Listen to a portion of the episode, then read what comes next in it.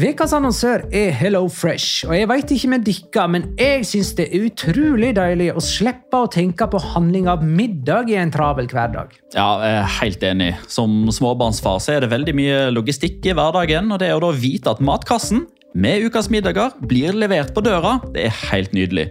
Da slipper du impulskjøp på butikken når blodsukkeret er lavt, og når du kommer hjem, kan du bare ta ut posen med dagens ingredienser fra kjøleskapet og sette i gang matlaginga.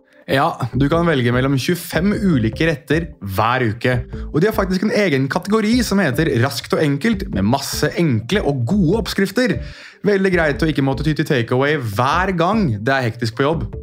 Jeg gleder meg spesielt til sterk chilikylling i min neste kasse. Jeg blir sulten bare av å tenke på det. Ja, Det er ikke feil med bacon og cheeseburger heller, da.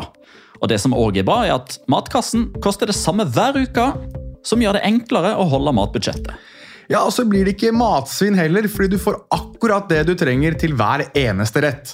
Hello Fresh kan absolutt anbefales, og bruker du koden vår, LIGALOCA, kan du få opptil 1779 kroner i rabatt på de fem første matkastene hvis du ikke har prøvd Hello Fresh tidligere. Du kan også prøve koden hvis du har avslutta abonnementet ditt for tolv måneder siden eller mer. Gå inn på hellofresh.no og bruk koden LIGALOCA. Bon appétit! Hallo? Jeg kommer fra Oslo politikammer. Ine Jansen er purk. Er du purk? The motherfucking bitch. Alt jeg vil, er å finne ut hva som skjedde med mannen min. Jon Carew. Er jeg sikta for noe? Iben Akeli. Det er du. Ole So, Lars Berrum og Big Daddy Karsten. Hvem sin side er du på, egentlig? Anette Hoff, Tone Danielsen, Kommer du fra Afrika? Jørnis Josef, Nesten. Kløfta. Trond Espen Seim. Det er synd å si det, men det var feil mann som døde. Purk. Premiere tirsdag på TV2 Play.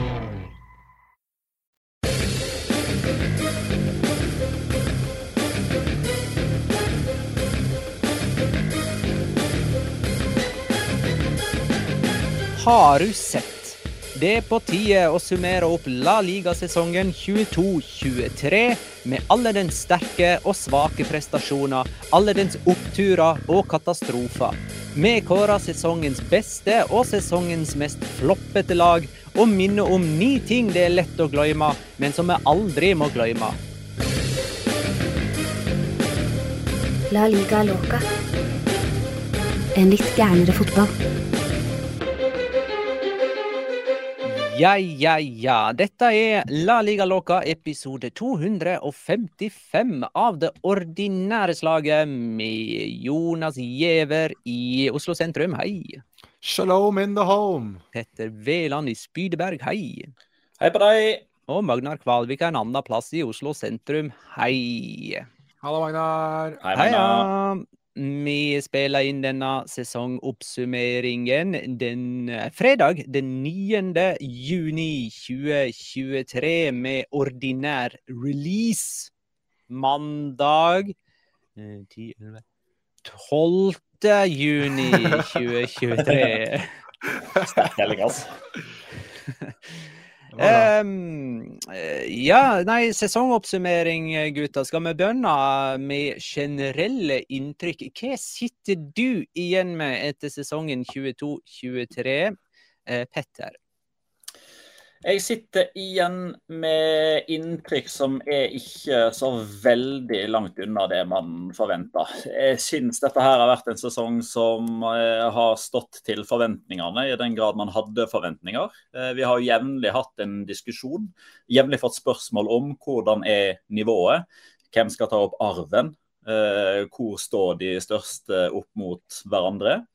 Men så er det jo heldigvis ikke bare sånne enkle ting som skal eh, med når man skal betrakte en hel sesong. Fordi når jeg setter meg ned og gleder meg til en sesong, uavhengig av om det er La Liga eller Eliteserien eller den turkmenske tredjedivisjonen, så er det forskjellige typer ting man forventer. ikke sant? Man forventer enkelte ting som skal skje her, men ikke nødvendigvis der. Det er et par ting som er litt mer vanlig der enn her, osv. Når jeg setter meg ned og ser eh, spanske La Liga-kamper, så ønsker jeg at det skal være galskap. Eh, Det skal være ting man snakker om i etterkant som ikke bare handler om fotballen. Det syns jeg har eh, stått til forventningene på godt og vondt. Eh, vi har fått disse jeg, gode tingene som vi, kan, som vi, kan, le litt av. Vi har fått, um, om ikke tragedier, så i alle fall alvorlige ting som vi har måttet sette oss ned og, og tenke litt over på egne vegne og på samfunnets vegne. og Sånn sett så, så syns jeg egentlig denne sesongen her har gått inn i et spor der man ser på spansk fotball som gjenkjennelig, på godt og vondt. Jonas? Jeg uh, syns Petter oppsummerte veldig bra. Jeg, egentlig også mine egne tanker. Uh, generelle inntrykk Litt sånn Noen ting så er det liksom litt sånn same procedures every year. Uh, og noen ting er jo spansk er, Altså er ting vi er kjent med fra spansk fotball. Det er ting vi rett og slett ikke kan forutse. Uh, men jeg syns at uh, i hvert fall mot slutten av denne sesongen, og egentlig store deler av 2023-delen av 2022-2023-sesongen, så har veldig mye handlet om utenomsportslige ting. Eh, og Da snakker vi ikke bare om rasismesaken f.eks. til der Venicius Junior har vært involvert, men f.eks. også Caso Negreira da, og Barcelonas eierskapet eierskap i Valencia. En del ulike ting som eh, jeg tror på en måte gjør spansk fotball veldig veldig interessant og veldig uh, unik. Men på en annen måte en del av de tingene som gjør at den er unik for veldig mye som er feil også med, med spansk fotball. Så jeg uh, jeg liksom kan ikke sitte og si at dette her er en sesong jeg kommer til å huske sånn som den fantastiske sesongen der dette og dette skjedde. Men, men, en sesong der jeg heller sitter igjen med en del ettertanke, og deretter også mer iver da, etter å komme i gang med 2023-2024. Og så er vi jo nå inne i den sjette sesongen vår, som jo gjør at vi begynner å bli, vi begynner å bli litt sånn gretne gamle gubber, og alt var bedre før. Og heltene våre er der ikke lenger. Altså, i løpet av det siste året, da, hvis du tar med det som skjedde på tampen av forrige sesong, så er altså Isco, Marcelo, Bale, Benzema, Joaquin, Jorge Molina, Lopetegi, Emeri, Busquets, Alba, Mateo Laos. Det er ganske mange sånne faste typer, type til typer, som ikke lenger er her nå. Amrabat. Ja, ja, dere begynte å bli litt konkrete etter hvert. Det var litt sånn her um det virker som du holdt ting litt igjen her nå i oppsummeringen. Eh, Jonas nevnte hva som er greia. Det var en annen Jo, rasisme nevnte du. Eh, og hvis jeg skal nevne noe konkret da, som jeg syns preger sesongen, og som på en måte stikker litt ut, så er det det der med uh, uhyre masse overtid og likevel veldig lite mål. Ehm, jeg kan jo ta denne oversikten som jeg kom over. I Tyskland så har jeg per kamp blitt skåra 3,17 mål, altså 3,2 mål, da. Eh, I England 2,8. Dette er altså per kamp. Frankrike òg 2,8. Eh, Italia 2,6 og Spania 2,5. Og det på tross av at man i Spania har spilt mer minutt enn i noen av de nevnte seriene. På grunn, ja, hvor mange kamper var det som runda 100 minutt? Og det, det, er jo bare Det teller jo det er jo bare med tilleggstiden i andre omgang, ikke sant? Ja. Jeg, jeg, tipper vi er på tett opp mot én per runde. Altså, la oss si mellom 35 og 40 kamper tipper jeg passerte 100. Ja, Jonas?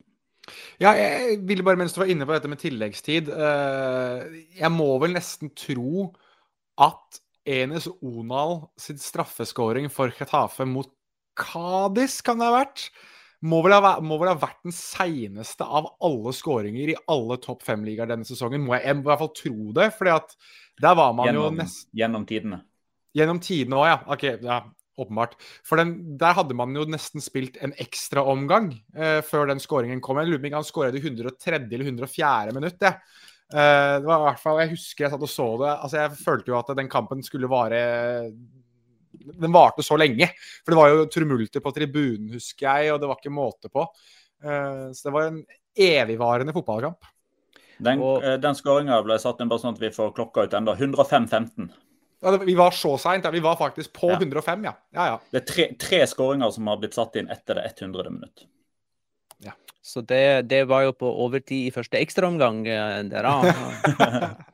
um, en annen ting som sitter igjen for meg etter denne sesongen, er ordet palankas. Og um, på en måte enda en slags bekreftelse på at uh, storklubber som ikke ha ei krone likevel finne mange kroner på et eller annet vis, eh, og Barcelona kunne signere okay, åtte nye spillere for til sammen sånn halvannen milliard kroner, eh, selv om de var bankrott. Eh, så sånn ordner det seg liksom. Chris spør er La Liga en døende liga? Og da tenker han, siden alle de store reiser, eh, og eventuelt hvordan skal det fikses? Petter? Da eh, kan man vel egentlig høre sesongoppsummeringen fra La Liga Låka 2021-2022. 2020-2021, 2019-2020, 2018-2019 og 2017-2018. For det spørsmålet vi har fått etter hver ene sesong, og svaret mitt er alltid det samme. Når noen går ut, så kommer det andre inn. Dette går fint. Ja, det sier du dagen etter at Bellingham signerte for eh, Real Madrid. I alle fall da det ble offisielt. Ja, og dette sier jeg eh, sju dager etter at uh, møkk dårlige Sevilla vinner Europa League igjen. Så ja, det Altså, noen ganger så blir jeg litt irritert over folk som uhilda tenker at det norske landslaget har blitt så veldig mye bedre. For vi er så mye bedre enn vi var for ti år siden. Og så glemmer man å se på alt rundt. Men her er det litt omvendt. Ja, La Liga er kanskje svakere hvis man sammenligner med intern kvalitet. La Liga var sterkere for seks år siden. Ingen som helst tvil. Men sammenlignet med de andre, så viser resultatene seg gang på gang på gang på gang. Det er ikke så ille som man skal ha det til. All right. Jonas, har du eh, noe å tilføye, eller skal vi bare la Petters svar stå? Nei, altså, jeg kan godt tilføye bitte litt, og det er jo det at eh, altså La Liga som produkt, hvis vi kan få lov til å bruke det der grusomme begrepet produktet, eh, vil nok for alltid være såpass sterkt og ha såpass store og, og, og profilerte aktører at det kommer aldri til å være en døende liga. Eh, og som du var inne på du også, Magnar. altså Uansett hvor dårligstilt det er for en del av disse klubbene, så finner de alltid måter å holde seg relevante på. Og der man kanskje tenker at nivået etter hvert vil synke, det kan godt være at det er noen sesonger der nivået ikke er så høyt som man skulle håpet på, så vil det alltid være grunnlag for å snakke om det, interessere seg for det og forelske seg i et eller annet, en eller annen eller noe ved spansk fotball. År inn år ut. og Det er derfor vi sitter her nå på det som ja, er det for noe? Er vi, vi skal inn i vår syvende sesong med La Liga Loca. Uh, fremdeles er, det, er, vi tre idioter som sitter uh, i hvert vårt studio nå og prater om det. Det er ingen som uh, holdt på å si, er noen driving force bak dette forutenom vår egen lidenskap. Og det er fordi at La Liga, uansett hva som skjer med det, kommer til å vedvare. Og vi elsker det fordi det vedvarer på den måten de gjør. Viktor Hallnes ber oss nevne at topp tre positive ting fra årets La Liga. Og så har han et tillegg. Er man overraska over årets sesong kontra fjorårets? Vi kan ta topp tre positive ting, hvis du ikke har klart å klekke ut eh, noen sånne. Topp tre positive um, Jeg får vel si at jeg syns det er gøy at det endelig altså Én positiv er at Real Sociedad endelig klarte å holde formen såpass uh, lenge at de kom seg inn i Champions League. Det syns jeg er en positiv ting. For da fikk vi litt sånn nytt blod inn i topp fire. Altså Man får se nye klubber uh, inn i Champions League fra Spania. Det er mer penger som kommer inn til en annen spansk klubb, som kanskje kan drysse over en del andre spanske klubber. Uh, og så syns, jeg Imanol Alguacil, som strengt tatt bare er en stor Real Sociedad-supporter, at han skal få lov til å lede klubben inn i Champions League, det syns jeg er en utelukkende positiv ting. Så jeg tar den, jeg. Jeg vet ikke om du har noen, Petter? Jeg har en. Den er, den er veldig konkret. Uh, men uh, antall gule kort som er blitt delt ut for filming denne sesongen, kontra den siste sesongen der man ikke hadde VAR. Denne sesongen så er det delt ut elleve gule kort for filming. I 2018-2019, som vel var den siste før VAR, så var det 54. Det er det ingen som snakker om i denne VAR-debatten, som er veldig polert eller polariserende. Ja, men uh, jeg, jeg, vil jo da uh, nevne disse tilleggsminuttene som en positiv ting. Jeg tror vi har vært inne på det der før. Jeg vet ikke om Viktor Hallnes har sendt denne samme tweeten flere ganger eh, om sånne positive Ja, be oss liste positive ting. Men generelt i fotball eh, gjennom de siste årene så har det blitt lagt til altfor mye. Og i La Liga så har man tatt det der på alvor og legger til eh, mye mer enn i andre serier. Og likevel så kan de legge til enda mer, skal det liksom være eh, korrekt. Mm. Eh, og da sjøl uten å liksom ha, eh, ha denne her effektiv spilletid-klokka gående. Hvordan er det med effektiv spilletid i La Liga? Jeg husker Forrige sesong så hadde vi en diskusjon på det, hvor utrolig lav den var. Eh, men jeg har ikke sett så mye om det i år, så kanskje det har Nei, den, kommet den, er, den er litt høyere da på bakgrunn av antall minutter som blir lagt til. Jeg lurer på om det forrige sesong så var det 52, eh, og det var lavest. Jeg lurer på om Premier League var nest lavest med 54. Eh, denne sesongen, det var vel i april, eller sånn, så, så jeg så en sånn oversikt. Da begynte det å nærme seg 54, altså var fem, godt oppe på 53-minuttstallet. Så positivt. Manu right. Pellegrini klaga vel veldig på det, husker jeg. At det var så dårlig i starten, men at det har blitt bedre utover. Eh, Den er god. Nå skal vi, vi skal sette sammen eh, sesongens lag nå, men eh, først så skal jeg ta tre av ni ting som er lett å glemme fra denne sesongen, men som vi aldri må glemme fra denne sesongen. Nydelig. 1. Isco signerte for Sevilla i august med Lopetegi som trener, og terminerte kontrakten i desember med San Pauli som trener. I januar var Isco nær å signere for Union Berlin, men det ble ikke. Både Sevilla og Union Berlin spiller i Champions League neste sesong. Isco er klubbløs, så vidt jeg veit. To. Inkludert vikarer hadde Elche seks ulike trenere gjennom sesongen og avslutta med fem seire. De hadde altså flere trenere enn seire i sesongen 22-23. Og tre. Inyaki Williams ble omsider skada og spilte ikke mot Español i januar. Fram til da spilte han 251 strake La Liga-kamper fra april 2016. Og i runde nummer seks denne sesongen skåra både han og broren Nico for første gang i én og samme kamp mot Rayo Vallecano. De tre neste punktene kommer etter at vi har satt sammen eh, sesongens lag. Der har vel dere blitt enige om en elver, sant? Ja, vi er, vi er uenige på noen punkter, men jeg vet at Petter i hvert fall har eh, noe Altså, vi har vel blitt enige om at man har en type Åh, nå skal jeg ikke bruke det begrepet, for da kommer Magnar til å begynne å rette på meg. Eh, man, man har en som man kan eh, legge ned krav om at skal inn på laget. Ikke, man legger ikke ned veto, Magnar. Eh, men man krev, kan kreve én spiller inn på laget. Uh, Ja, det, er sju, det er jo sju stykker vi er enige om, da. Ja, det er sju posisjoner der vi har samme.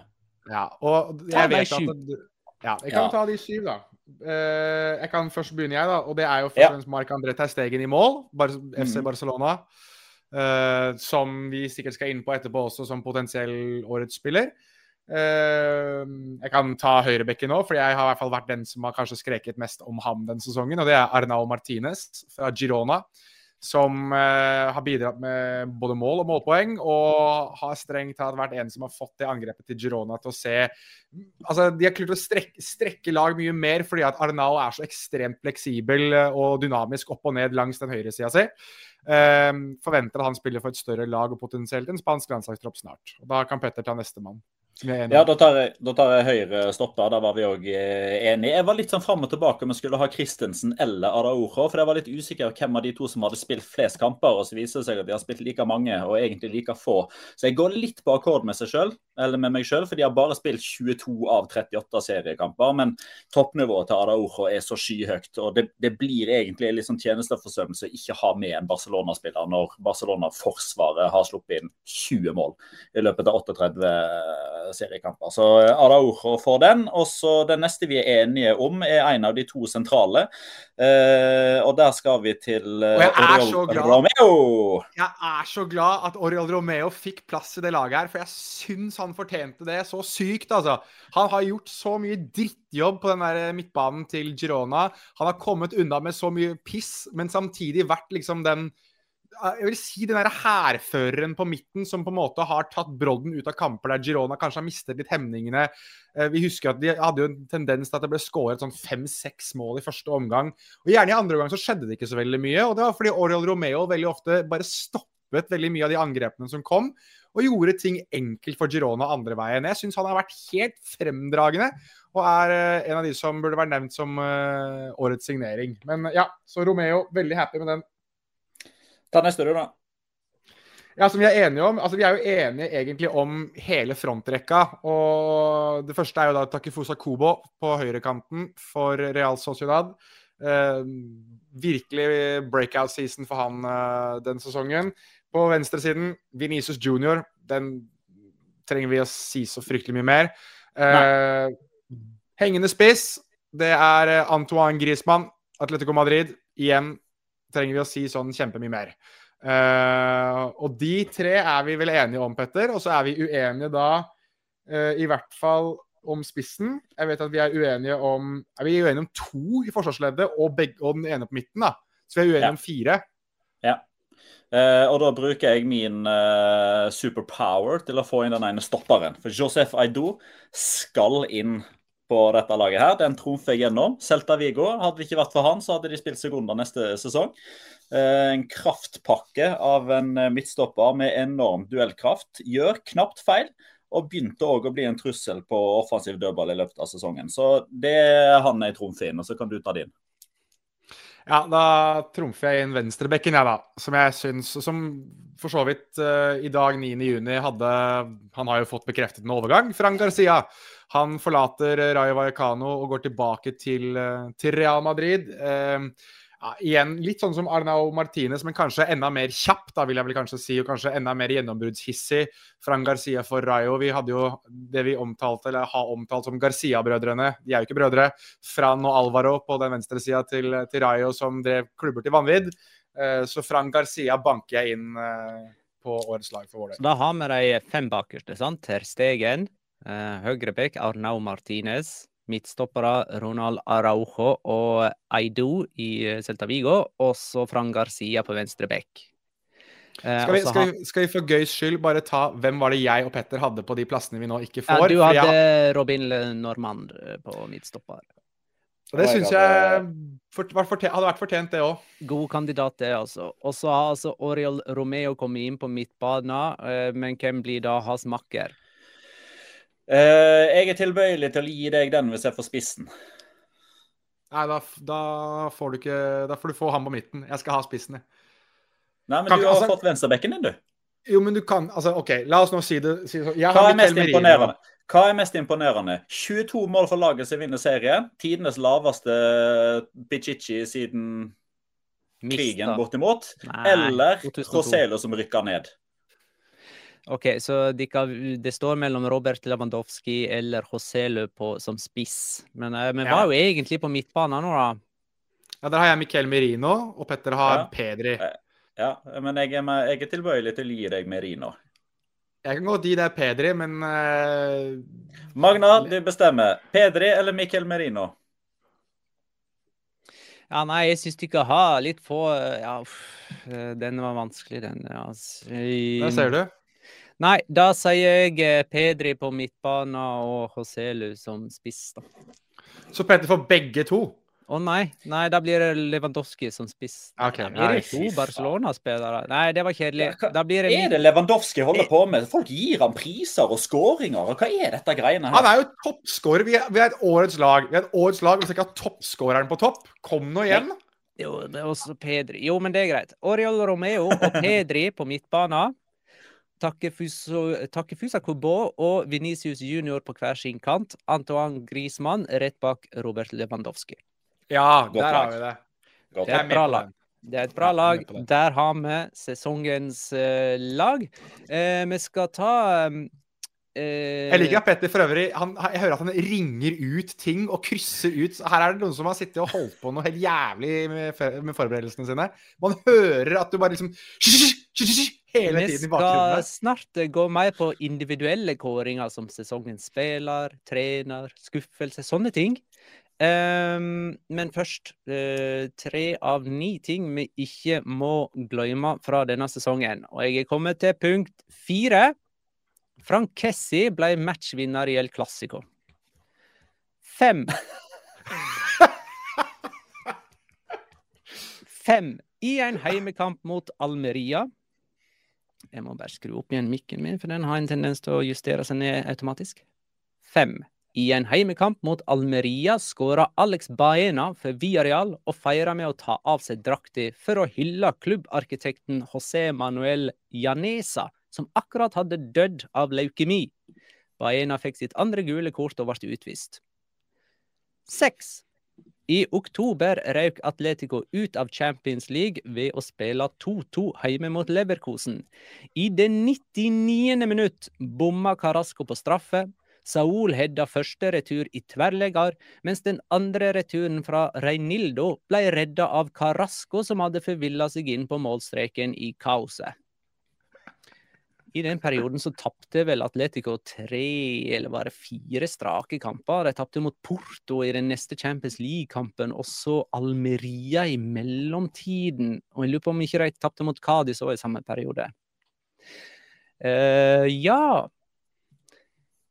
Jeg har for øvrig uh, kanskje ikke nevnt at vi må jo òg se på vårt tabelltips uh, opp mot faktisk tabell mot slutten av episoden. Og se gjennom noen av de påstandene vi har kommet med i løpet av eh, sesongen. Eh, mer eller mindre gode sådan. Men la oss nå først kåre sesongens spiller. Jonas, du har jo lagt ut en artikkel på Patrion som er åpen for alle. Den er åpen Der- for alle. Mm. Der har du kommet med nominasjoner du, til se sesongens spiller. Eh, Antoine Griezmann, Marc-André Ter Stegen og Venicius Junior. Mm. Jeg syns uh, Det var jo egentlig mine forslag, og det vel virker som om det forslaget kanskje er den generelle konsensus.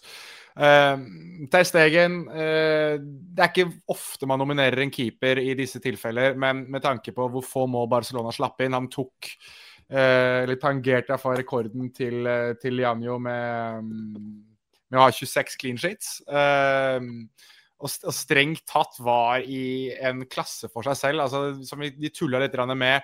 Han hadde jo en sånn form for dupp i 2021-2022-sesongen, men, men både han og H-linja hans gjorde et sterkt comeback i 2022-2023. Um, Antoine Griezmann tullet vi masse med at uh, kun kunne spille 30 minutter på, uh, på høstparten pga. denne klausulen som vi kanskje skal inn på etterpå. Men han har da endt opp med 15 mål og 17 målgivende. Altså, det er spinnville tall for en, for en spiller vi trodde at kanskje var litt sånn eh, ikke helt der ennå. Uh, og Venezia Junior, sensasjonell. Ti mål, ni målgivende, men det forteller egentlig ikke hele historien om hvor ekstremt god han har vært for, for Real Madrid i det å sette lag ut av spill, det å, å egenhendig være et angrep. Um, og hvordan han også har klart å, å hamle opp med en del av de tingene han har måttet høre på, på tribunen, samtidig som han har vært helt ekstremt god. Så jeg syns det er tre gode kandidater. Men jeg Eh, syns jo òg, bare for å ha lagt til der, at uh, den kampen han tar mot rasisme, teller med i vurderingen. Ja, ja. Jeg, jeg, jeg synes, og det er jo egentlig litt ikke, Han hadde vært der nesten uansett, men det er derfor jeg mener at han har en, en veldig, veldig god sak, da. Uh, så altså, personlig, sånn Skal jeg kun tenke spill på banen, så ville jeg nok ha gått for Antoine Griezmann. Eh, men skal man tenke spill på banen pluss spill utenfor banen, og hva man har måttet finne seg i, og de kampene man har måttet ta, så er jeg helt på Venezia Junior-toget, jeg også. Så jeg vet ikke Petter, kanskje du om du har eh, noe innskytelse av hvem du mener?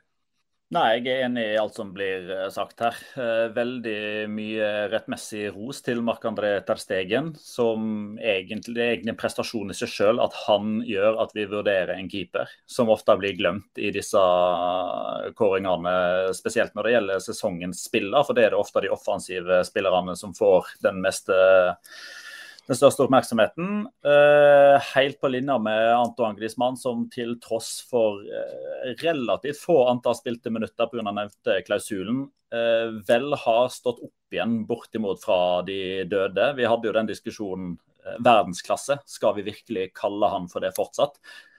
He took it personal.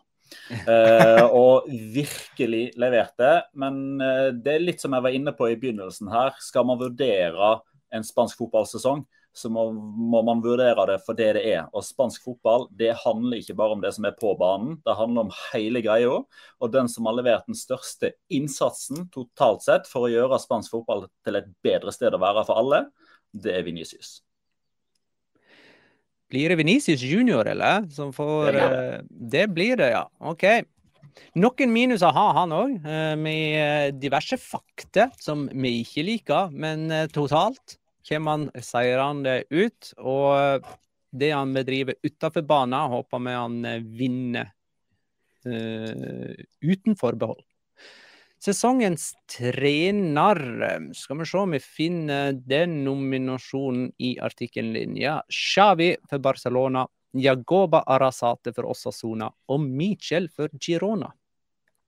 Ja, og altså Når du ser hva Xavi har utrettet med Barcelona. Vi er inne på altså det å vinne de, de, Vi snakket jo egentlig om det nesten som seriemestere til jul. altså Da vi begynte å snakke om VM, så var det liksom litt sånn Barcelona kommer til å vinne ligaen til slutt uansett, så det er ikke så fryktelig mye mer å snakke om. Um, jeg, synes, jeg, er alltid litt sånn imot å velge en seriemester som årets trener, men jeg syns måten Barcelona har gjort det på, gjør at Xavi fortjener en, uh, en nominasjon. Uh, Arrazate på sin side har tatt Osasuna inn igjen i Europa. Han tok det til en Copa del Rey-finale. Har egentlig uh, tatt alle de begrensningene som kommer ved å være Osasuna-trener, og gjort det til en fordel. Og skapt en, en form for uh, ja, noe man kan identifisere seg med.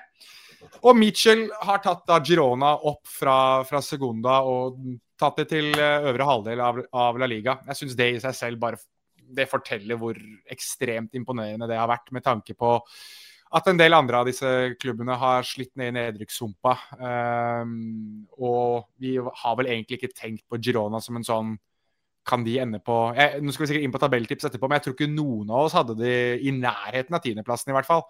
Så um, det er de tre. personlig så ender jeg på, på Jacob Arrasate. Det gjør jeg òg. Og det, på, ja, og det er på bakgrunn av at eh, i alle fall min tankegang her, da, når man skal vurdere trenerne, så må man se på hva slags uh, utgangspunkt man har. Altså hvilken klubb trener man? Hva er den klubben kjent for? Hva historie har den? Uh, hvor mange supportere har den?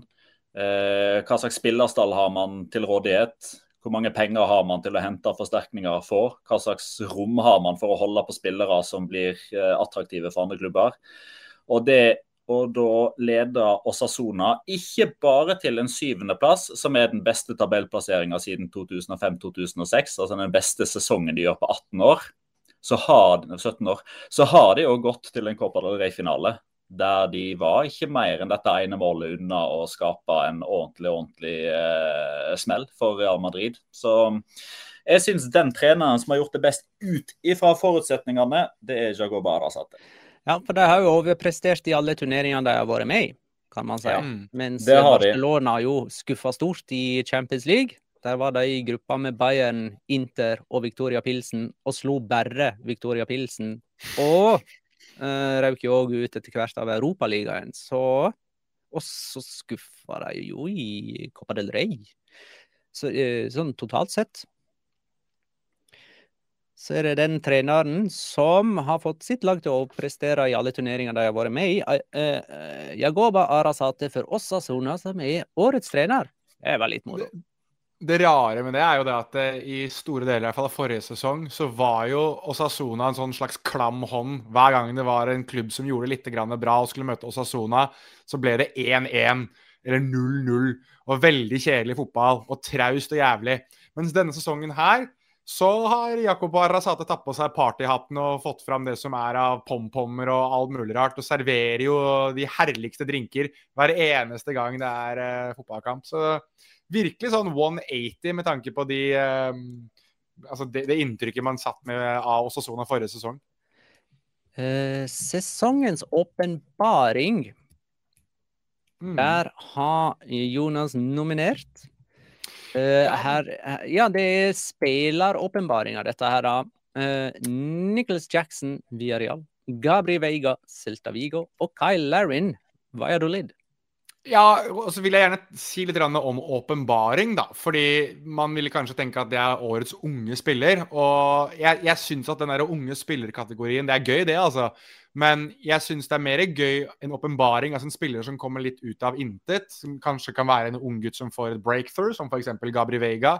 En spiller vi har ventet på at det skal slå litt igjennom. Nicholas Jackson. Eller en spiller som potensielt sett er uh, sesongens signering uh, i Kyle Larin. Uh, som vi, vi, kanskje ikke trodde at det kom til å være så god som han var.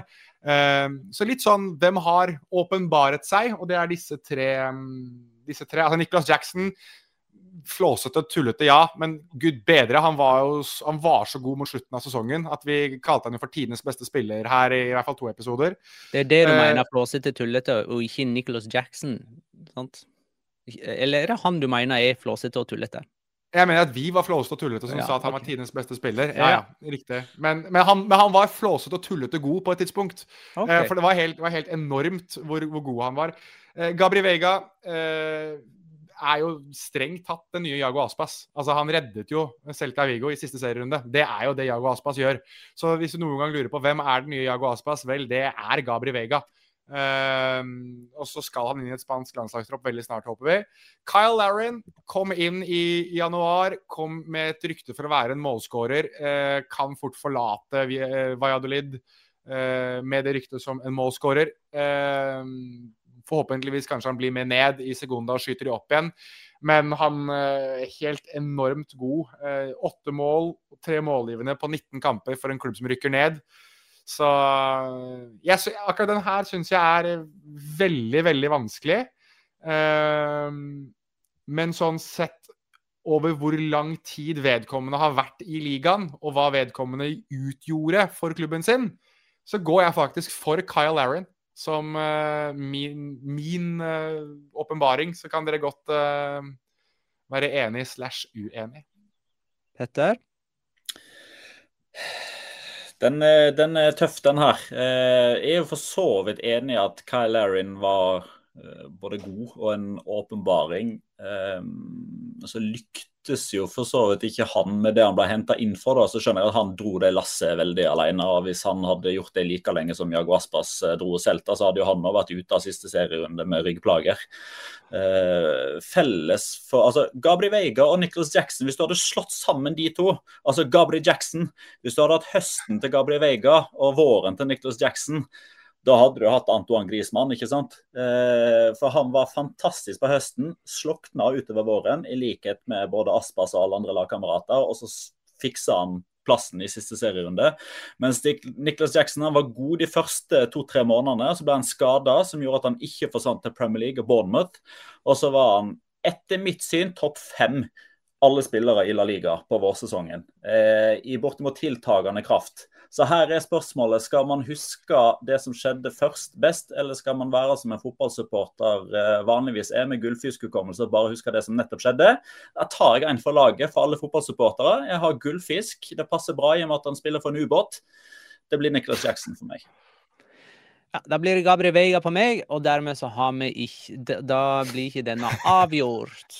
Alle fortjener sin del av æra. Eh, men eh, sesongens skuffelse, da, det er enten Valencia, rasismen i spansk fotball eller Raúl de Tomas. Jeg syns at her har du én veldig klar, ja. og så har du to som er eh, forholdsvis greie å ha nevnt. Ja, men, men eh, Raúl de Tomàs kom jo med en uttalelse ganske nylig om at uh, skjellsord som ape og sånne ting, det er fornærmelse på lik linje med dra til helvete og uh, altså rett og slett bare sånn herre uh, måte å fornærme folk på. Så han er jo på en måte Han har jo ikke forstått uh, hva rasisme er i det hele tatt, og gir jo på en måte uttrykk for uh, det samme som veldig mange eh, spanjoler gjør. De ser på rasistiske uttrykk som bare fornærmelse mot den man retter det rasistiske uttrykket mot. Uh, og, og, dermed så, så, så, bare underbygger han det store problemet. og rasismen i spansk fotball er det store problemet. Ja, jeg tenker at det å drive med det som kalles for whataboutism eh, rundt rasisme, eh, tenker jeg faller litt sånn på egen urimelighet. Eh, og jeg syns egentlig Raúl de Tomàs anno 2023 faller på egen urimelighet. Jeg syns hele karakteren Raúl de Tomàs bare er urimelig. Så uh, han, er ikke, han, er en skuffelse i seg selv, men, men, men, han er ikke i nærheten av å røre rasismeproblemet. Det er han jo ikke. Nei, eh, for han er jo nominert for å ha sutra seg ut av Español. Fått agenten sin til å denge opp Rayo Vallecano-presidenten, som han likevel endte opp hos. Eh, og uten å skåre et eneste mål de første tre månedene han var der. Eh, men samtidig så understreker han jo sjøl at det finnes et større problem enn han i spansk fotball. Så eh, rasismen i spansk fotball, eh, den store skuffelsen denne sesongen. Ja. Er det greit? Du har òg ja. nominert sesongens Locora, eh, Jonas. Den ene er jo da slåsskampen på Rayo-kontoret. Agenten til Raúl de Tomàs, som altså slo til presidenten. Rayo-president Presa. Antoine Griezmann-klausulen i en annen Locora. Og antallet røde kort på 139. Ja, for de, som, eh, for de som lurer på hva Antoine Griezmann-klausulen var, da, så kan jeg ta det kjempekjapt for de som ikke husker det. Altså, men alle husker jo, og producer især på det tidspunktet her husket jo i starten av sesongen at uh, man skulle begynne å filme mot Atletico-benken rundt det 60. minutt. For da gjorde alltid Antoine Griezmann seg klar for å spille. Han hadde jo uh, det var jo lagt inn en klausul i for Atletico Madrid hadde jo lånt Antoine Griezmann fra Barcelona. Og De hadde jo da blitt enige om at hvis Griezmann spilte et visst antall minutter over de to sesongene han var utlånt, så måtte da Atletico Madrid betale eh, en sum for å gjøre overgangen permanent. Det ønsket jo ikke Atletico Madrid, fordi de ville gjerne reforhandle den avtalen og prøve å få ham billigere. Så de passet på og hadde regnet ut hvor mye Antoine Griezmann skulle spille for at den klausulen ikke tredde i kraft. Og Det var da at han skulle spille 30 minutter i de aller fleste kamper. Noen kamper starta han jo. Vi husker han startet vel f.eks. Derby Madrileño, hvis jeg ikke husker helt feil. Uh, men det, det, var liksom en av de få kampene man har tatt høyde for at det var greit. Ellers så skulle han kun spille 30 minutter. Og dette pågikk jo vel hele veien opp til VM, nesten. Uh, så det var ganske lenge der Antoine Griezmann bare spilte 30 minutter for Atletico Madrid, og ingen ville bekrefte om det var tilfellet ei, selv om han liksom satt der og nudge, nudge, wink, wink hele tiden da man ble spurt om det. Uh, så det, det, var jo en absurd situasjon, der, man, der, Atletico Madrids beste spiller bare fikk lov til å spille 30 minutter. Uh, og så var du inne på antall røde kort, Magnar, 139. Og ja, 30 av disse, til, strengt tatt nesten 30 av disse, tilhørte Betis og Sevilla. Uh, altså pff, For noe tull, altså. For, for, for, noe jævla piss det greiene der var. Uh, men ja, så jeg Og så har du da nevnt selvfølgelig Raúl Martin Presa, som slåss med agenten til, til Raúl uh, de Tomas. Jeg, jeg, ender opp på Antoine Griezmann-klausulen, jeg. Fordi uh, det var så absurd. Altså, det var så du hadde garantert én Locora hver eneste serierunde, og det var hvis du så Atletico Madrid-kamper. Du visste at det kom hver gang. Og det som på en måte gjør det enda mer Locora, det der er jo at uh, Atletico endte jo opp med å vinne, uh, liksom. Uh, for det at Barcelona ville kvitte seg med Antoine Griezmann, nesten sånn kosta hva det kosta ville, så, så det spillet Atletico Madrid dreiv med der, det fungerte. De fikk ja, altså, mye lavere pris. Og så var det jo òg så åpenbart for alle hva som kom til å skje. Vi sa det jo en måned før det skjedde at det er jo helt åpenbart hva som blir løsninga her. Og så bare Det var liksom bare sånn der eh, stirrefest. Ingen som ville liksom uh, se ut som taperen i den dealen der. Det er tre meget gode forslag, men jeg har min egen uh, vinner her. Eller min egen variant. Og det er fordi okay. når man i løpet av én kamp og når jeg omtaler det som en kamp, så er det da inkludert det som skjer når dommeren har blåst i fløyta for siste gang. Når noe skjer, altså når det skjer ting for aller første gang i en kamp, altså for første gang siden 1960 Det er en annen ting som skjer i den samme kampen for første gang siden 1996. Det skjer en tredje ting i den samme kampen for første gang siden 2005. Uavhengig av det så har du en snu, snuoperasjon fra 2-0 til 2-3. Og i etterkant en klubbpresident som kommer med drapstrusler til dommerteamet. Elche Real Betis, som endte 2-3. Hele kampen er sesongens Locora. Med tre fire røde kort, tre straffespark, 2-0 til 2-3 og alt det jeg nevnte her nå. For min del så er det den som er sesongens Locora. Den er god. Da har vært mange eh, Locoras, eh, men hva er sesongens mest emosjonelle? Der Jonas har nominert Joaquins farvel. Konan Ledesma, som redda et liv. I gåsehauget redda et liv, sier vi. Og Enes Onal, som knekker sammen. Ja, jeg, igjen, jeg syns en av disse er mer åpenbare enn de to andre. Men eh, altså, jeg, jeg, husker jo den kvelden da det plutselig altså kampen mellom Cádiz og Barcelona bare stoppet opp. Og man skjønte ikke helt til å begynne med hva det var som hadde skjedd. Man skjønte at det var noe som skjedde på tribunen, men man visste ikke at det var så alvorlig som det var.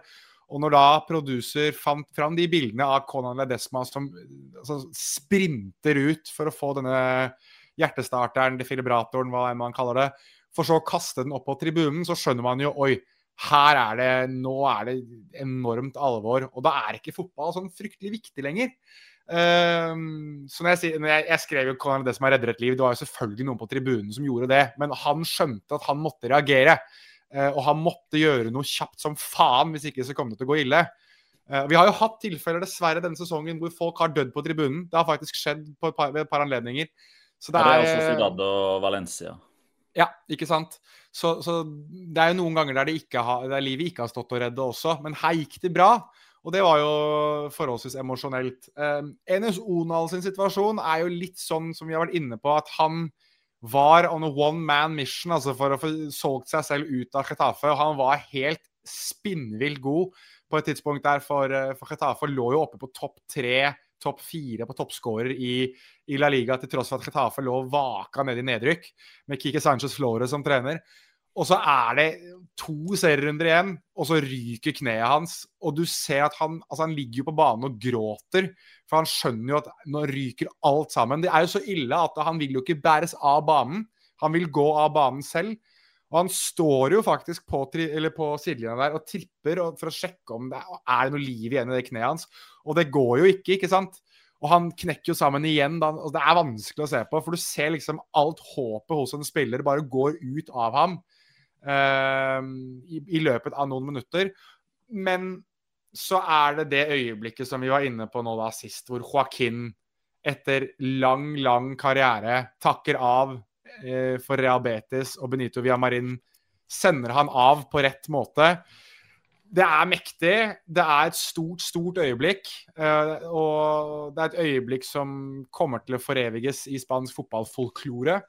Så ja, og så kom, den i, kom den i tre, og så kom den i tre akter òg, da. Vi fikk jo tårene til Joaquin 19.4, når det ble kjent at etter sesongen så blir det klart. Du hadde fullsatt uh, Benito Villamarin 4.6, da han for da faktisk spilte den siste kampen og tangerte la ligarekorden, og når han fikk uh, avskjedskampen sin tirsdag 6.6 med tidligere lagkamerater og andre som hadde hatt en uh, sentral del i hans karriere. Så det er i tre akter. Det, den er klink. 622 La Liga-kamper. Mm. Og det har han klart som angrepsspiller. Han har hatt ett år i Segunda B for B-laget. Han har ett år for Betis i Segunda og tre år i Serie A i tillegg. Eh, og det er tangering av rekord sammen med Sobisareta, sant? Ja, som har vært en mm. keeper, og som kun sto i mål. Ja. Eh, da skal vi straks Skal vi se Vi skal sette sammen sesongens uh, flopplag. ja. uh, men uh, vi må ta de tre siste av ni ting vi ikke må glemme etter denne sesongen. Sju. Spanias landslagstrener Luis Enrique brukte det meste av fritiden sin på Twitch under VM. I alle fall fram til Spania røk ut i åttedelsfinale, der de bomma på alle sine tre straffespark i straffekonken mot Marokko. Åtte. I januar fikk Genaro Gattusso sparken i Valencia, og for 13. gang tok Våro over som vikartrener. Denne gangen fikk han tre kamper. Valencia tapte alle sammen. Og ni Gerard Piquet la opp i november. I hans aller siste kamp for Barcelona, på El Sadar i Pamplona, fikk han rødt kort i pausen av dommer Gil Manzano. Med fire kampers karantene. ja. Som han må sone i comebacket sitt i 2026. Han, han må sone det i eh, Kings League. Det er, sånn som, det er sånn som jeg alltid tenker på folk som, får, eh, som dømmes til døden i, i, USA pluss 100 år. Så mm. dømmes til døden pluss 100 år. Så hvis du sånn, mot formodning skulle ha ønske å komme tilbake igjen fra de døde, så må du sitte i fengsel i 100 år. Det syns jeg alltid latt meg fascinere av de der straffene der. Det er Andreas Bryn som har oppfordra oss til å kåre årets flopplag. Det er mulig han kom med den oppfordringen for lenge siden, og at vi tok den sånn halvveis i sesongen. Men hvordan ser det ut med fasit i hånd når sesongen er ferdig spilt? Skal vi altså her, her, er vi, her, er vi, jo litt mer uenige. Da. Vi har jo satt opp hvert vårt lag, både meg og Jonas. Jeg lurer på om det er bare fire stykker er vi er enige? Ja. Ta, ta et uh, kjapt lag hver, da. Ja. Men ganske kjapt, altså. For ett minutt hver. OK, jeg begynner. Rui Silva mista plassen til en 40-åring, eller 41-åring ble han jo faktisk, i målet til Betis. Matt Doherty er den Atletico Madrid-signeringen som rakk å debutere og spilte færrest minutter i løpet av eh, klubbhistorien før han var ferdig. Marcao ble jo henta som erstatter for Jules Condé, var langt mer skada enn frisk. Ogo Giamon, mannen med steinansiktet, han var til slutt ikke å se i det hele tatt eh, for Valencia. Sergio Regilon han ble tatt imot eh, som en pest- eller kolera-variant fordi han hadde bakgrunn i Real Madrid. Har noen sett han siden? Nei. Eh, Iker Monjain, Atletic, gikk målløs av banen i altfor mange kamper denne sesongen. Først og fremst fordi Iker Monjain mista all offensiv og kreativ kraft. Denis Suárez hadde den første halvdelen av sesongen på tribunen i Celta. Gikk til Español, spilte så der og rykka ned. Uh, Joao Felix han uh, ble henta for litt for mange penger og ble leid ut til Chelsea. Da begynte Chelsea å bli enda dårligere, mens Atletico Madrid ble veldig mye bedre uten han. Isco forklarte du i starten her, Magnar. Raúl de Thomas har vi vært inne på. Og Porto han er min nye hatspiller i La Liga, fordi samtlige spillere i La Liga med drakt nummer ni skåra mål denne sesongen, bortsett fra Porto, har jeg vekk. Som var så god eh, i Real Sociedad i, i en periode, sammen med Ødegaard. Og ikke minst i Girona sammen med Stuani. Før der igjen, ja. Eh, nå er han bare vekke i Chetaffe. Han er på benken, ja. kommer av og til inn. Mm. Som en sånn cameo-rolle. Eh, Jonas? Ja, jeg kan ta mitt. Jeg har også satt opp i 4-2-3-1. Eh, I mål har jeg Pepe Reina, som er altfor gammel til å stå i mål på så høyt nivå. Eh, få det bort. Eh, Geronimo Roli til Pepe Reina, liksom. Det er å gå fra entrecôte til joikakaker. Uansett, Matt Dockerty på høyrebekken forklarte Petter veldig godt. Eh, Luis Felipe, Real Betis. Han var vel nesten mer utvist da han spilte fotballkamper etter hvert. Eh, tre røde?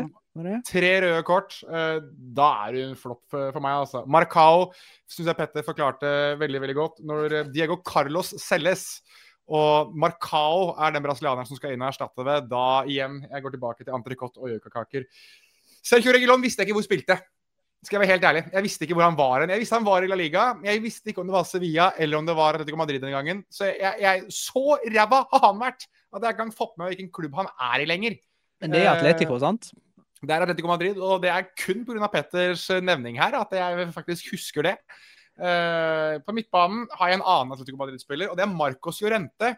Som uh, vi snakket om som uh, Altså, han var jo en altmuligmann. Kunne spille overalt, gjøre alt mulig. Og, og, var jo for noen år siden den som egenhendig ødela for Liverpool i Champions League. Hva har skjedd siden? Ingenting annet enn at man konstant snakker om denne her jævlig dyre senga han sover i, fordi at han skal liksom restituere riktig. Få det bort. Jævlig bra kropp, da, det skal han ha. Så, så tydeligvis han spiser riktig og sover ordentlig, og det er hyggelig for han. Ilash Moriba eh, på midtbanen sammen med han i Valencia.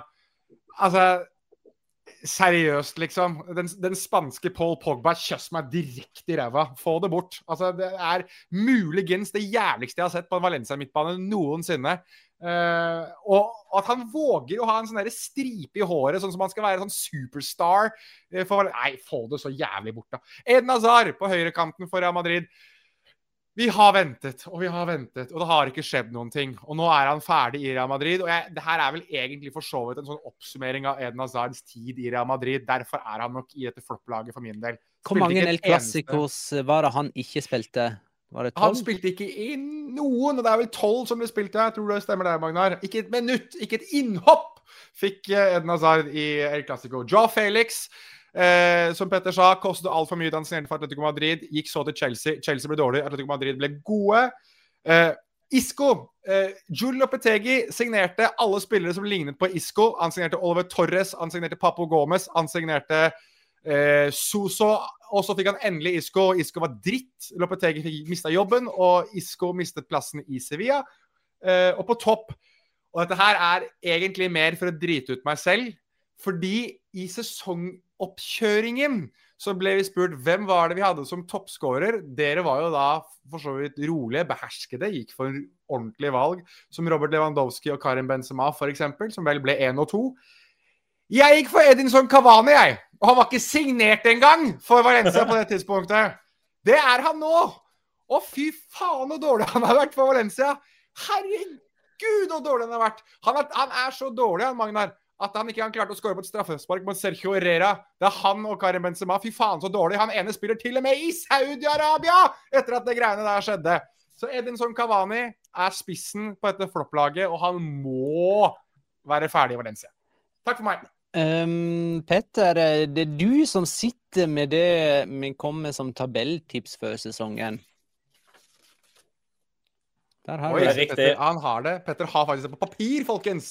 Vi opp. egentlig vi kjørte en sånn her variant der vi satte opp hvert vårt tabelltips, og så regna Petter ut gjennomsnittsplasseringen. Det er riktig. Det er jo det vi har Excel til, er det ikke det? Jo. Er, er, det så, er, det, er det så mye utregning, Petter, at ting ødelegges i bakgrunnen der? Jeg driver og hører ting Ja. faller mens det Ja. Det var denne eh, Å ja, Petter har, faktisk en sånn taktikktavle som han setter og lager. Det er, altså, jeg må si for, Forberedelsen til denne episoden her, Petter, den har vært topp, top notch, altså. Ja, ja. I motsetning til de andre. Um, skal, vi bare, skal vi begynne med det bra, eller skal vi ta det dårlige først? Ja, har vi truffet på noe, liksom? Vi har truffet på fire plasseringer. Oi, det er råsterkt, faktisk. Det tror Ja. jeg er ny rekord. Eh, Det kan godt hende. Ikke så veldig imponerende likevel. Eh, Vi hadde Atletico, Atletico på tredjeplass. Vi Ja. hadde Real Sociedad på fjerdeplass. Ja. Vi hadde Villarreal på femteplass. Og vi hadde Atletic på åttendeplass. Det er de Hadde vi vi treffer det? på. Yes. Det er de vi treffer på. Det var snittet. Men det er jo noen Eh, vi treffer sånn nesten på òg, og da mener jeg Ja, det Barcelona og Real Madrid, liksom. Det hadde vi som Eh, én og to, sikkert. ja, Men um... det- Jo, men, men det er litt sånn Vi er bare Det er to lag. Vi er én plassering unna. Eller to mm, Tre lag, tre lag vi er i, i nærheten på. Eh, og jeg vil egentlig bare gi oss honnør for den ene av de. For som du sier, det å ha Real Madrid som én og Barcelona som to er ikke imponerende hvis Barcelona blir én og Real Madrid blir to.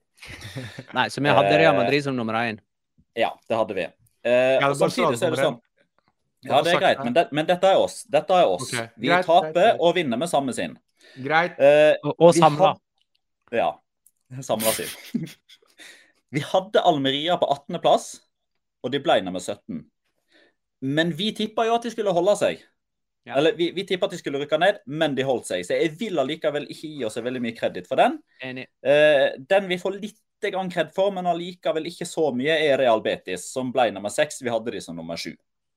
Eh, vi På en måte så vil jeg gi oss litt cred for å ha Sevilla utenfor topp fire. Det var vi ganske klink på at de ikke kom til å bli. Hadde de allikevel på en, eh, en sjetteplass samla, og de ble nummer eh, elleve, var det tolv? Tolv. Sant? Tolv. Så der bomma vi med, med, med ganske mange. Eh, Med- den vi bomma mest på Vi hadde Valencia som tolv, sant? For det Eller? Nei, du hadde Valencia som 16. og Det Ja. trakk det litt ned. Okay. 1, 2, 3, greit. 4, 5, 6, 7, 8, 9, 10, Så- 11, 12, 13. 13 hadde vi Valencia som. Så Sevilla tok Valen var årets Valencia, på en måte. For det er jo Ja. egentlig Valencia sin plassering, det der. det, det er nettopp det. Um, vil dere gjette de tre lagene vi bommer med flest plasseringer for? For Sevilla den vi bommer fjerde mest på, med seks plasseringer. Kan Kadis være det? Uh, like mye som Sevilla. Uh, vi hadde de, alle tre hadde Kadis som nummer 20. Ja. Og de ble nummer 14. Jeg tipper Elche, jeg, da. Uh, nei, vi bomma ikke med så mye på de heller. Uh, allikevel. Det er jo klink bom, for de ble nummer 20, og vi trodde de skulle holde plassen. Men vi hadde de på 16.-plass, så det er bare fire-fem plasseringer sånn sett. Det er én vi har overvurdert kraftig, og så er det to vi har undervurdert. Jeg lurer ja. Mistenkte meg at det skulle gå ille med Rayo Vallecano. Ja, men vi, vi hadde de på en uh, 17.-plass, og de ble nummer 12. Så det er òg en sånn fem-seks plasseringer. Så det er, det, det er dårlig, men ikke ræva. Ja. Har vi, har vi over Español? Vi har overvurdert Español noe voldsomt, for de hadde vi på 9.-plass. og de ble nummer 19. Den er ganske svak, ja. Uh, Ja. Undervurderte med Girona, eller? Vi undervurderte Girona ganske så kraftig, for de ble eh, nummer 10. Og vi hadde de på 19. Så hvis Español og Girona hadde bytta plass, så hadde vi vært flinke. Jo, eh, Español endte på 19, ja, og vi hadde Girona der. Sånn, ja. Mm. Ja. Kan jeg, kan jeg tippe at Osasuna er et, et av de lagene vi undervurderte, kanskje? Nei, det, det, ja, vi undervurderte de, men de er i samme bolken som uh, Sevilla, Getafe, Osasuna, Elche, Rayo og Cádiz har vi bomma med fem eller seks på. Den som vi bomma med åtte plasseringer på, de ble nummer ni. Vi hadde de som 17. Det var Mallorca. Mm. Mallorca. Mm. Ja. Akkurat. Ja ja, men uh, dette var ikke det verste, så vi kan gå uh, på et nytt uh, tabelltips om noen måneder med friskt mot. Det kan vi. Ja. Um, skal vi ta noen påstander, da? Uh, vi blir jo ofte bedt om å tippe antall skåringer og sånt uh, på enkeltspillere. Så uh, vi ble spurt før sesongen hvor mange mål Morata kom til å skåre. Jeg og Petter hadde 14, Jonas hadde 6, og han endte på 13. Så det er ikke så ille. I episode 220 så påsto Jonas at Gabriel Veiga spiller landskamp for Ojans Hanseth. Der har vi ikke svaret enda. Ingen av dem har spilt eh, landskamp. I alle fall ikke A-landskamp. Jeg jeg Begge er tatt. Det er jo for øvrig den uh, sentrale midtbanen som kommer til å styre Spania i U21-EM som kommer nå. Mm. um, Real Madrid eh, åpna veldig sterkt. Uh, de tapte jo ikke en eneste kamp. Uh, og da fikk vi spørsmålet når, om noen gang, taper Real Madrid sin første ligakamp. Eh, og da svarer Jonas at de kommer til å tape mot eh, Sevilla på Santiago Bernabeu i runde nummer 11. Og det tror jeg var eh, påfølgende runde. Altså at det, vi fikk spørsmål etter runde 10 eller noe. Eh, Petter sa borte mot Atletic i runde 17, mens jeg sa på Mestalla i runde 35. Eh, og der må jeg si Jonas var nærmest, eh, for det skjedde Real Madrid sitt første tap i La Liga denne sesongen kom i runde 13 borte mot Rayo Vallecano. Så det var to runder etter at Jonas, det Jonas tippa. Det verste er at du hadde rett i en av kampene de tapte. va? De tapte jo faktisk den kampen på Mestalla òg. Det gjorde de. Ja. Eh, men det var på langt nær deres første nederlag eh, Ja, denne sesongen. For etter den vanvittige åpningen de hadde, så slokna jo de skikkelig, og så bare rant Barcelona av gårde. Vi fikk spørsmål da uh, Jørgen Strand Larsen signerte for um, Celta Vigo, hvor mange mål han kom til å skåre for dem. Jeg sa to, Petter sa fem, Jonas sa sju, og han endte på fire. Vi fikk òg spørsmål om hvor mange mål Raúl de Tomàs kom til å skåre for Rayo Vallecano etter at den overgangen endelig hadde kommet i boks. Det var gjeldt jo bare vårsesongen, da. Jeg svarer ni, Petter, og Jonas svarer null. Og han endte på fire, så dere var jo faktisk nærmest. Vi var det. Um, ja, vi hadde en diskusjon om Luis Henrique etter at han var ferdig i Spania, eller som spansk landslagssjef. Der heller har ikke vi noe svar enda vel. Eh, men jeg påstår i dag at han er ikke god nok for en av disse her superklubbene.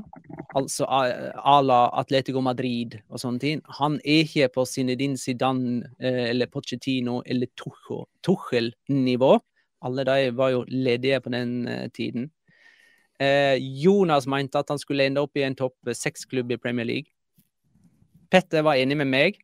Så der får, der, der får vi kanskje et svar i løpet av sommeren, eller? Ja, det er jo ikke så veldig mange av de topp seks-klubbene i Premier League som er aktuelle lenger nå, da. Men uh, Nei, det er vel ingen. Nei, Pochettino har gått til Chelsea.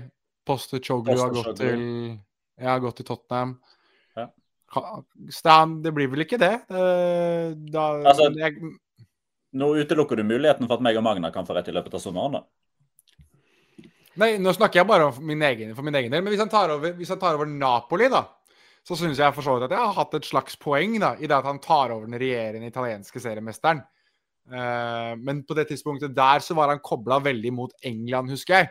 Og da var jo liksom det man tenkte at han skulle til England. Men hvis han tar over Ja, igjen, da. Hvis han tar over Napoli, så mener jeg fremdeles at det er riktig. Ja, Hvis han tar over Napoli, så blir ikke de topp fire i Serie A neste sesong. ja, det er eh, vi fikk eh, spørsmål eh, før eh, sesongen ble sparka i gang igjen under den pausen i november-desember. Eh, hvilke spillere kommer til å dominere etter jul?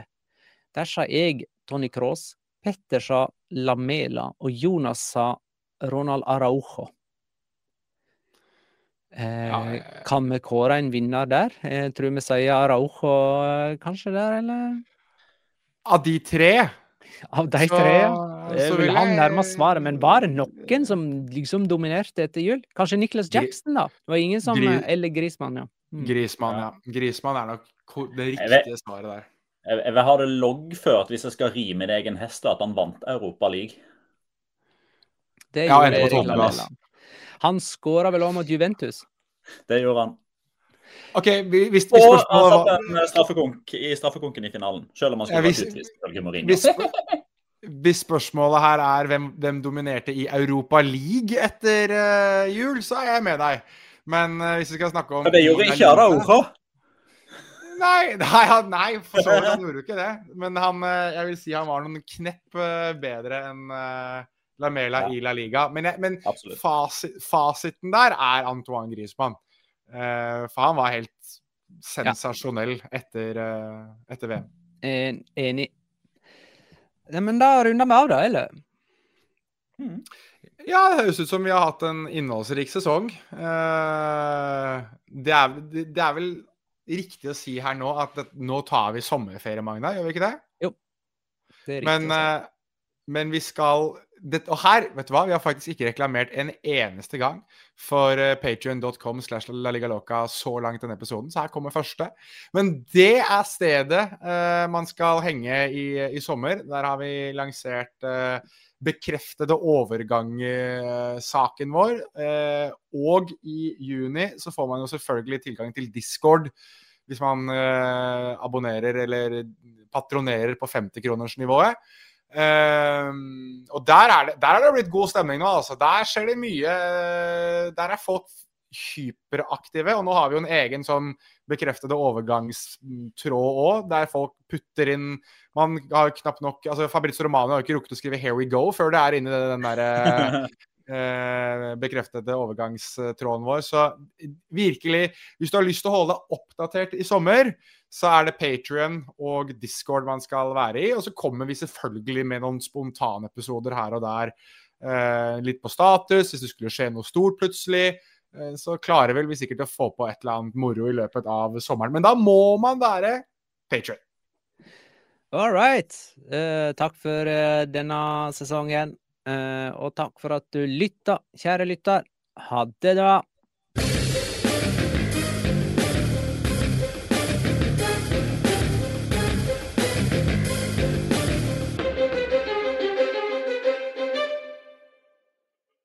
Har du et enkeltpersonforetak eller en liten bedrift? Da er du sikkert lei av å høre meg snakke om hvor enkelt det er med kvitteringer og bilag i fiken, så vi eh, gir oss her, vi. Fordi vi liker enkelt. Fiken superenkelt regnskap.